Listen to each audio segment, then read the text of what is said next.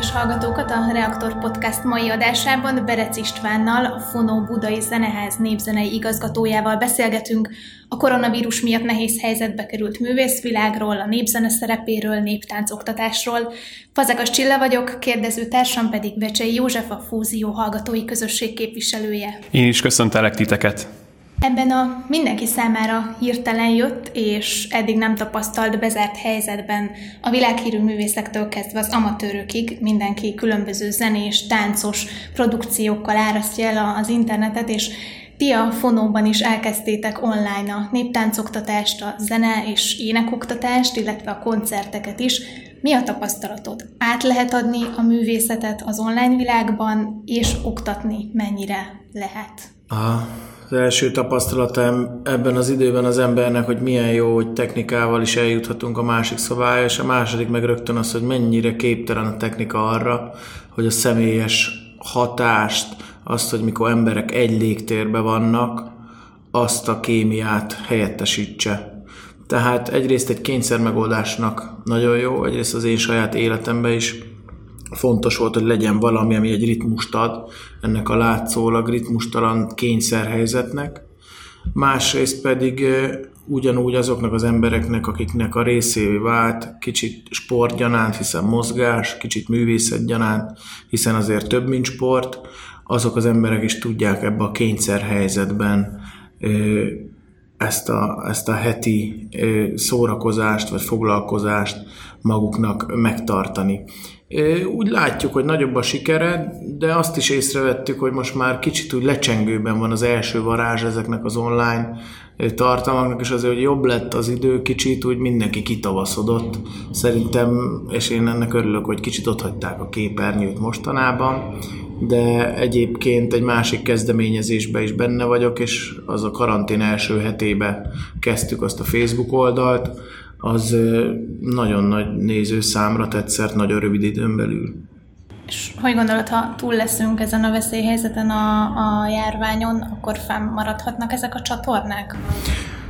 Fennmaradhatnak, és egyébként nagyon érdekes például a saját műfajunknak nézni az online térben való megjelenését, hogy hogy amire az utóbbi időben nem is gondoltunk, és igazából így egy nagyobb adatbázis, vagy nagyobb statisztika az, az, az ilyen Körösi Csoma Sándor ösztöndíjak kapcsán jutott így, így előtérbe, meg azért a táncházmozgalmon belül volt már körülbelül egy ilyen fogalmunk, hogy azért a világban hány helyen művelik ezt, de például a koncerteknek nagyon fontos a hat, az óceánon túli nézettsége, vagy a távol élő magyarok, vagy akár a magyar kultúra iránt érdeklődőknek, hogy, hogy milyen sokat számít. Például Winnipegbe járok rendszeresen tanítani Kanadába, ahol a helyi magyar tánccsoportot lengyelek, kanadai lengyelek vezetik, és félelmetes, hogy bármi fölkerül az internetre, akkor ők azt mind tudják. Tehát, de, de nem csak a tánctanításokat, nem csak a koncerteket, hanem az ilyen kis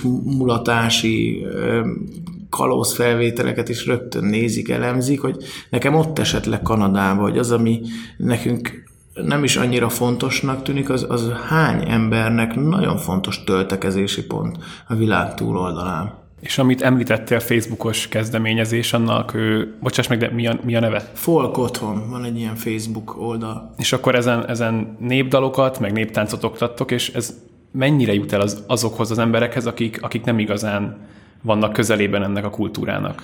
Igen, egyébként a fő apropója ez volt, hogy ez a kalataszegi barátom, aki igazából a, a, aki igazából elkezdte ezt az oldalt, vele már nagyon sokszor meg volt az az élmény, hogy mulatságba, itt-ott, annyiszor mondták, hogy jaj, de megtanulnám, jaj, de jó lenne, lenne rá időm, de hogy nem nagyon vannak olyan kurzusok, ahol teljesen előről meg lehet, el lehet kezdeni a táncot, és, és úgy gondolta, hogy na most mindenkinek van ideje, itt ez a szobafogság, nem kell hozzá semmi, se teniszítő, se evező, se nem tudom mi, két kezet, két lábad, szóljon a muzsika, és akkor elsőképpen ezeket az embereket céloztuk meg, akik laikusok, kezdők, és lám most a világ megállt erre a pár hétre, hónapra, és próbálja meg mindenki, találja meg jobb kezét, jobb lábát. Nagyon jók a visszajelzések ebből, hogy most az életüknek, hogyha visszaáll a világ normális a kerékvágásba, ez a most elkezdőknek hánynak marad majd, hány százalékának marad a valódi élete része, az egy más kérdés, azt kíváncsian várom. Egyébként szerinted vannak mondjuk ennek a táncházas létnek olyan attribútumai, vagy olyan jellemzői, ami mondjuk visszatarthatja a laikusokat, vagy a kezdőket attól, hogy mondjuk elmenjenek egy táncházba? Gondolok itt például a kalapra, a bajuszra, vagy a lányoknál a pörgős szoknyára. Igen, vannak, biztos, hogy vannak visszatartó erők, szóval azért, hogy egy kicsit önkritikusan nézek rá a táncházmozgalomra, sokszor elég belterjesnek tűnik, ha bár nem ezért jött létre, és a kezdeteknél is vita volt már 72-ben. Most volt pont évfordulója ugye az első táncháznak, amit budapesti értelmiségiek, Sebő Ferencék, Halmos Béláék kezdtek el, akik a műegyetemre jártak, építészek voltak, és az volt az első kérdés, hogy akkor most két tánc együttesnek a zárt körű bulia legyen, vagy nyissák ki, és legyen egy szélesebb körű a budapesti egyetemistáknak, illetve mindenkinek, mindenki számára nyitott tánctanítással, tehát tényleg, hogy az is, akinek csak kedve van valahova lemenni, és jó muzsikára mozogni, párt keresni, az bárki előképzettség nélkül tudjon bekapcsolódni. Tehát az igazi arszpoetikája ez a táncházmozgalomnak, és én ezt tartom víziómnak is. Néha, ha az ember letéved jelenlegi folkocsmákban, nem mindig ez az érzése, hogy ez a célja, ez hiba. De úgy érzem, hogy mint minden más mozgalomnak, vagy minden más folyamatnak vannak pillanatnyi hullámvölgyei, hullámhegyei, az, hogy jelenleg most már ott tart a tánc is, meg a zene is, hogy mind a kettőnek vannak különböző intézményei, van középfokú és van felsőoktatási oktatása, emiatt van, van tényleg egy ilyen kis minőségi elvárás, ami miatt lehet, hogy laikusként nehezebb belépni. Az, hogy a bajusz mennyire zavarja a hölgyeket, azt, azt nem tudom, jól lenne abból is statisztikát látni. Hogy veled is találkozzak, találkoztam a fonóban, meg egyéb ilyen mulatságokon, mindig egyéb, sok egyéb néptáncos barátunkkal is összefutottunk, és bennem mindig az volt az érzés, hogy ők nem egyszerűen emberek, akik néptáncolnak, hanem nekik az identitásuknak a része az, hogy ők már pedig néptáncosok, és hogy a néptáncnak, meg ennek a kultúrának mennyi identitásformáló ereje van, mennyire erősen tudja magába vinni az embert ez. Igen, ez, ez jó, ez izgalmas kérdéskör.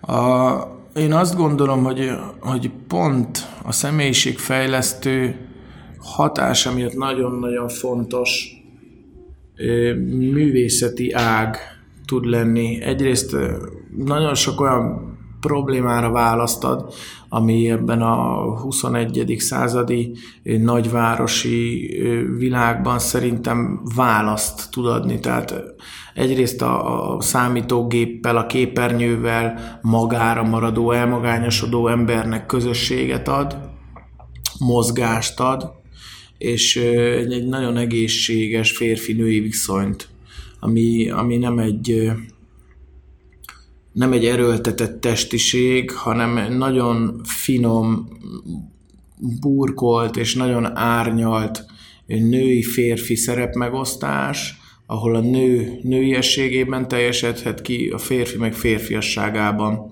És mindezt nem ideológia alapján nem megerőszakolva, nem egy ilyen farok csóválja a kutyát, hanem, hanem egy ezer év alatt, legalább ezer év alatt kikristályosodott kifejezési formával. Tehát ez a nagy dolog a népművészetben, hogy az marad meg, ami a legjobban megmaradt lábon, hang, hangba, és a legegyszerűbb formával, átvitt legnagyobb művészeti tartalom, valahogy így, így határozta meg Bartók a népművészetet. Ez díszlettől függetlenül minden emberre hatással van, azt gondolom. Tehát, hogy mindegy, hogy ők szántottak, vetek, vetettek, boronáltak, de ugyanúgy szerettek, haltak, és keseregtek. És ez az, ami miatt alkalmas a tánc, az ének, a zene a nagyvárosi ember életének a betöltésére is. Említetted Bartók Bélát, mi egy másik hasonló idézetet hoztunk tőle, hogy a jazz is népzene, az afroamerikaiak népzenéje, és hogy ahogy a jazz világhírűvé vált, és, és mindenki hallgatja, nem csak egy rétegnek a, az öröme, ez mennyi, mennyi esély van arra, hogy a magyar népzene is, vagy a mi kultúránk zenéje, akár ne csak Magyarországon, a Kárpát-medencén belül legyen egy rétegi, hanem az egész nemzeti, vagy akár, akár az egész világon hallgatható legyen. Milyennek a dimenziója? Ez is izgalmas kérdéskör. Ugye, hogyha itt most felvázoltál több teret is, egyrészt a hazai, és a hazait és a külföldi terjesztés, ezt nagyon élesen el kell határolnunk, és ez szintén egy nagyon izgalmas téma, hogy miért van az, hogy egy nemzet a saját népzenét, a saját művészetétől idegenkedik.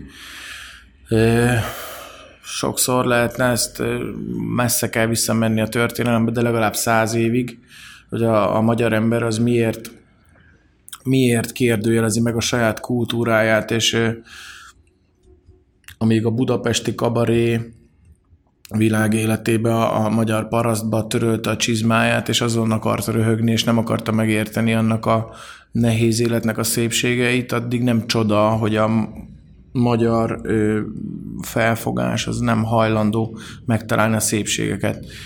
Ezt táncosként nagyon szembetűnő a különbség, hogy külföldön mindenféle előítélet nélkül azonnal be tudják fogadni. Tehát tényleg járjuk a világot, Amerikában rengeteg olyan tánccsoport van, ahol magyar ajkú és magyar kötődésű ember nincs is, csak amerikai emberek, akik egyszerűen szintén, akiket megfog ennek a kultúrának a varázsa, de ugyanígy távol-keleten is, tehát Japánba, Tajvanban, Hongkongban van egy, egy kiváló táncos ember, akinek van egy tánccsoportja, ahol japánok járnak, még malajziaiak is járnak, csak magyar táncot táncolnak. Érdekes, hogy itthon nehezebb a helyzet. Amit itt el kell különíteni az az, hogy egyáltalán szükséges ebből divatot csinálni. Tehát kell-e versenyezzen a népzene, a néptánc, kell-e versenyezzen a piac más szegmenseivel. Vannak erre is példák, hogy hogyan dolgozzák fel úgy a népzenét, hogy abból népszerű gyakorlatilag populáris műfaj, színpadi műfaj lesz. Azt gondolom, hogy nem ez az igazi terep a népzenénknek, hanem a legfontosabb az az, hogy együtt történő, aktív közösségépítő tevékenység legyen. Tehát a csápolás az, és valaki van a színpadon, a többi meg lent, az nem az igazi módja ennek a kultúrának. Tehát egy éneklő ország esetében nem aktív-passzív viszony van, hanem az lenne legjobb, ha mindenkinek zenei műveltsége lenne, hogyha, ahogy Kallós Zoltán mondta, táncos és zenei anyanyelve lehetne. Abba viszont időt kell fektetni. És ami divat, az valamit mindig veszt a tartalmából. Úgyhogy a jelenlegi helyzetben ez egy szubkultúra, azt hiszem, a táncház, ez nyilvánvalóan a méltó rangján alul van, hiszen ahogy tényleg Kallor Zoltán erdélyi néprajz kutató mondta, ez egy anyanyelv. Addig vagyunk magyarok, amíg magyarul éneklünk és magyarul táncolunk, ő ezt mondta. És valahol ott van az igazsága, nem szabad viszont nagy kampányok, plakátok, színes szagos, nem tudom mik által versenybe kelljen a populáris zenével, mert biztos, hogy veszíteni fog akkor az értékéből. Tehát, hogy vagy eljut valaha odáig, a magyar ember, és úgy látom, hogy egy szép lassú szellemi rendszerváltás is végre beindult 30 évvel a, az állami rendszerváltás után, hogy szerintem elindultunk egy lépcsőn, amíg a magyar ember megbarátkozik önnön magával. És ebben, vagy amit említettél a népzene népszerűsítésében, Mit gondolsz, hogy inkább az államnak kellene nagyobb szerepet vállalnia, vagy az ilyen civil kezdeményezéseknek, egyesületeknek, táncházaknak? Tehát inkább alulról kell, hogy szerveződjön ez, és váljon egyre-egyre népszerűbb, és mondjon be egyre több embert, vagy felülről kellene például az oktatás révén? Nagyon jó az, hogy van olyan kormányzat, főleg a csóri pályázat Csóri Kuratórium, Csóri Sándor program, amelyik a elmúlt 30 év legkomolyabb anyagi támogatása, a népművészeti egyesületek népművészet támogatását megcélzóan, de nagyon fontos értékének tartom a táncház mozgalomnak, hogy ez egy civil mozgalom, tehát nem politikai jelszavakhoz kötődő ö, műfaj, hanem tényleg egy civil kezdeményezés, am, amelyik szerintem nagyon ritka a magyar társadalmat végignézve az olyan olyan embereket összekötő érték, ami, ami nem törik meg ezek jelszavak mentén. De ugyanakkor nagyon fontos, bizony pont ami miatt, mert a piac önmagától nem tartja el, nagyon fontos, hogy a, az aktuális döntéshozatal, az aktuális kormányzat meglássa ebbe azt az értéket, ezt a, ha tetszik, nemzetstratégiai, vagy nagyon sok minden értéket, és, és kell bizony neki a mankó. Csak nem szabad soha különböző jelszavak mögé beállítani, mert önmagába hordozza tulajdonképpen azokat az értékeket, amik, amik többek, mint aktuális politikai jelszavak. És ahogy mondtad, hogy ugye hogy ebből nekem így az, az jön le, hogy ez inkább legyen alulról szerveződő, inkább próbáljuk meg az embereket megszólítani emberek által, és hogy, de hogy közben pedig ő nem, ahogy, ahogy éreztem, nem, nem tetszik neked annyira, vagy nem, nem nézed annyira optimistán azt, hogy ebből inkább ilyen populárisabb popzenét csinálnak, mint mondjuk egy Bohemian Betyárc vagy a Revuár, aki próbálja a fiatalokat egy, egy, egy buli, egy hozzánk közelebb álló bulival megszólítani, de hogy szerinted akkor, e, akkor az ilyen zenekarok kezdeményezések ezek pozitív hatással lehetnek erre a szubkultúrára, vagy, vagy inkább, inkább értéket vesztenek? Fontos, hogy feldolgozási szülessen. Tehát én abból a szempontból azt mondom, hogy persze. Tehát egy, eh, hogy körbenézzünk nálunknál fiatal, nálunk fiatalabb nemzetek, akiknél még, még a, nem hogy az egészséges nemzeti öntudat, hanem még annál még egy lapáttal több a románoknál, a szlovákoknál, ott külön csatornák vannak, ahol saját népzenéket, a saját népzenéjüket feldolgozó formációk 24 órában szólnak az azt jelenti, hogy ha populáris zene merít, az tulajdonképpen szintén egy jó irányba való ellépést. Mert tehát az, hogy, hogy angol, a populáris könnyű zenénknek a nagy része eddig csak angol száz eredetű volt, annál nyilván jobb az, hogy megjelentek olyan formációk, az általad említett formációk is, akik, akik a magyar népzenéből táplálkoznak. Tehát valamit ez is jelez, és kell a feldolgozás, kell nyilván, kell, kell a műfai határokat keresni. Én csak azt mondtam, hogy a táncház műfaj az többet tud annál, amikor egyszerre táncol a közönség, és együtt születik meg az alkotás, a, a, a pillanat, a katarzis, az tevékeny résztvevők által születik meg, semmit amikor van egy a szolgáltatást, zenei szolgáltatást végző emberek csoportja, és akkor vannak, akik meg nem tudnak tevékenyen részt venni. Én csak erre irányultam, de az nyilvánvaló, hogy, hogy a, a Csík zenekar rengeteg embert odahozott a népzenéhez. Rengeteg embernek megváltoztatta az előítéletét a népzenével kapcsolatban. Szóval ez lehet egy első lépés. Abszolút. Abszolút lehet, csak nem szabad összetéveszteni. A, tehát tudni kell azt, hogy a névzen az soha, le, soha nem fog tudni a nagy piacon kilépve versenyezni a, a, a könnyű zenével. És ha már beszéltünk a populáris zenéről, illetve a szubkultúráról, réteg zenéről, kicsit visszakanyarodva a mostani uh, tehát kilátástalan helyzethez, amit a koronavírus okoz a művészek világában, te mit gondolsz, itt főleg most az anyagi vetületére gondolok, sokan támadnak bizonyos művészeket azért, hogy a koronavírus előtt ők valószínűleg nagyon jól kerestek, és most mégis azt hangoztatják, hogy felkopik az álluk, miközben egyébként lehetnek olyan kevésbé ismert művészek, akiknek valóban lehetnek megélhetési gondjaik és uh, ugye a, az előadó művészi jogvédő irodának és az Artisiusnak uh, volt ez a, ez a támogatás, ez a rendkívüli szociális támogatás, amit több művész is uh, kritizált. Mit gondolsz erről, és uh, hogy vélekedsz?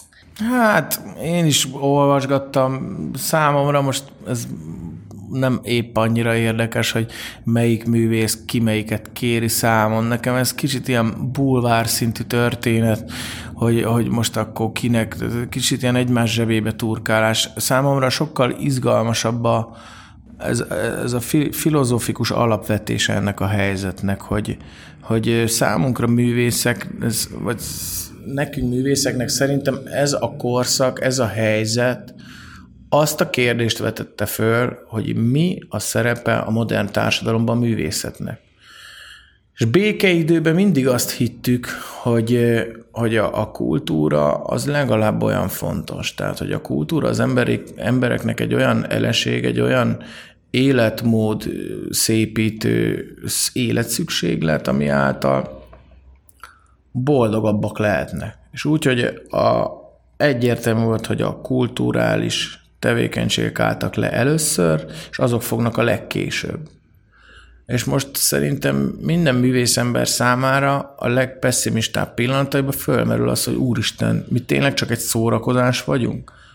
Mi, mi tényleg az van, hogy csak a termelés menjen, csak az, azok a dolgok ne álljanak le, amik ugye első kézben életben tartják az emberiséget, és akkor igazából valójában az emberi élethez nem feltétlenül szükséges az, amit csinálunk.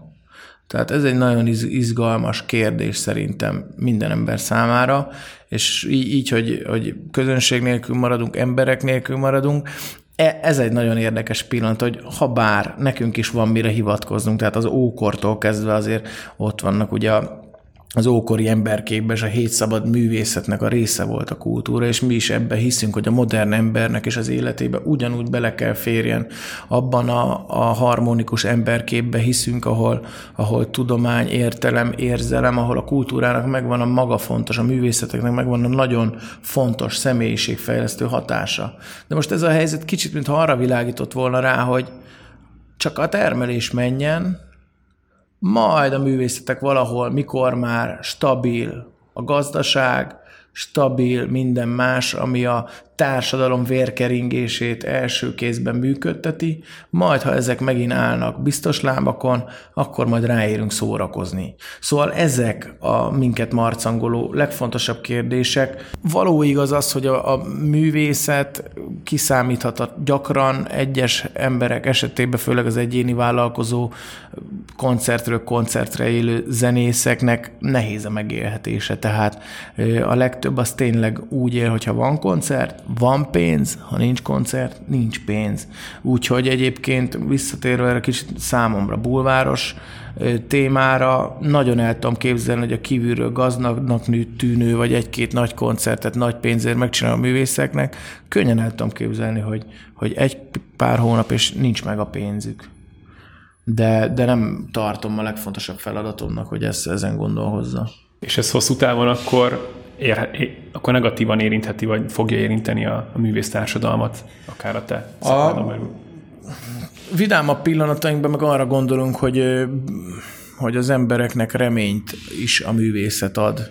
Szóval, hogy kicsit az életbe tartja, és, és optimistábbá teszi az emberek életét, akár az online felületeken megjelenő különböző zenék, dalok, ilyesmik.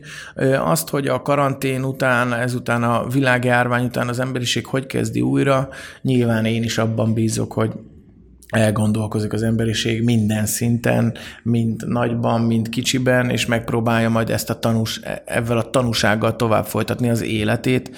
Én nagyon bízom benne, hogy, hogy ugyanúgy a kulturális szféra ugyanúgy talpon, talpra fog állni, és, és sokan át tudják ezt vészelni. Én azt hiszem, hogy, hogy egyébként például a színházat, az irodalmat nagyon megtermékenyíti ez, ez a ez, ez a sok. Úgyhogy biztos, hogy, hogy pozitív hatással is lesz ilyen szempontból. És ugye, hogy, hogy mondtad, hogy reményt ad kultúránk része, hogy nem mehetünk el ugyan néptánc meg a népzene mellett, hogy nem említjük meg, mint a Kárpát-medencei összmagyarságnak a, a, az összetartozását, kultúráját.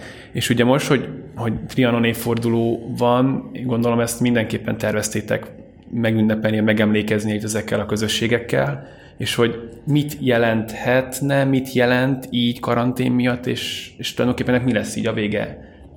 Igen, hát pontosan egyébként a tánc, a zene az egy közös anyanyelvünk a, a Kárpát-medencében élő magyarokkal, és ezt nagyon szépen a számok is alátámasztják, hogy hányan táncolnak határon túli elcsatolt területeken, és egy igazi, szerves, valódi testvéri kapcsolatot jelentő kapcsolat.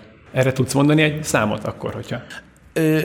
Egy, egy, egy millió körül, egy millió fölött van a, a Kárpát-medencében zenélők és táncolóknak a, a száma. Erdélybe is több száz néptánc együttes van például, ami legalább 20-30 embert jelent együttesenként, és a különböző fesztiválok, a különböző találkozók, különböző kurzusok, különböző versenyek kapcsán ezek valódi magyar-magyar kapcsolatok, tehát anyaország és határon túli kapcsolatok. Tehát igen, azt hiszem az, hogy há, amikor Székelyudvarhelyen az erdélyi táncház találkozót megtartják, és 300 határon túli és anyaországi fiatal vonós erdélyi népzenével vonul végig a főtéren, akkor azt hiszem, hogy ez egy elég szép válasz erre a századik évfordulóra. Ahogy említetted, nem csak a szorvány, hanem a diaszpora magyarságának is fontos Így egyébként van. a néptánc, szóval gondolom, hogy ők is részt vesznek. Pontosan, pontosan, igen. Szeretettel várjátok őket. Igen, van is egy, az idén elmaradt sajnos táncász találkozónak van is egy ilyen programpontja, hogy egy órába ott vannak a színpadon az ausztráliai magyarok, az észak-amerikai magyar táncosok, a dél-amerikaiak, hidegrázós tényleg végignézni azt, hogy kik táncolják. Most volt a, a rögtön a karantén idején ez a karatországi legényes kihívás, és ott, amit, amit, csak álmainkban tudtunk sorjázni, az ott volt feketén-fehéren a képernyő legurítva, hogy, hogy ott van a, Rio de Janeiro-i lakótelep tetején Kalataszegi legényes táncoló srác, utána ott van csíkcsomortámból, két ganyézás közt vasvillázó, saját csűrébe táncoló székely, utána a hongkongi üzletember, utána megint a nem, tehát egy, egy olyan merítés, egy tényleg egy, azt kirajzol egy olyan, olyan görbét, amit amit így hihetetlen fölfogni, és amire úgy érzem, hogy nagyon felülről, nagyon kevés felülről jövő kezdeményezés képes ilyen egyszerűen ekkora szövetséget alapítani ember és ember közt. Köszönjük szépen Berec Istvánnak, hogy megosztotta velünk gondolatait. Én is köszönöm szépen, hogy itt lehettem. Nektek pedig köszönjük, hogy meghallgattatok, kövessetek minket Spotify-on, Deezeren, Apple Podcast-en, nézzétek a react.hu-t, illetve a Reaktor és a Fúzió közösség Facebook oldalát. A Fúzió hallgatói közösség nevében külön köszönöm figyelmeteket, sziasztok!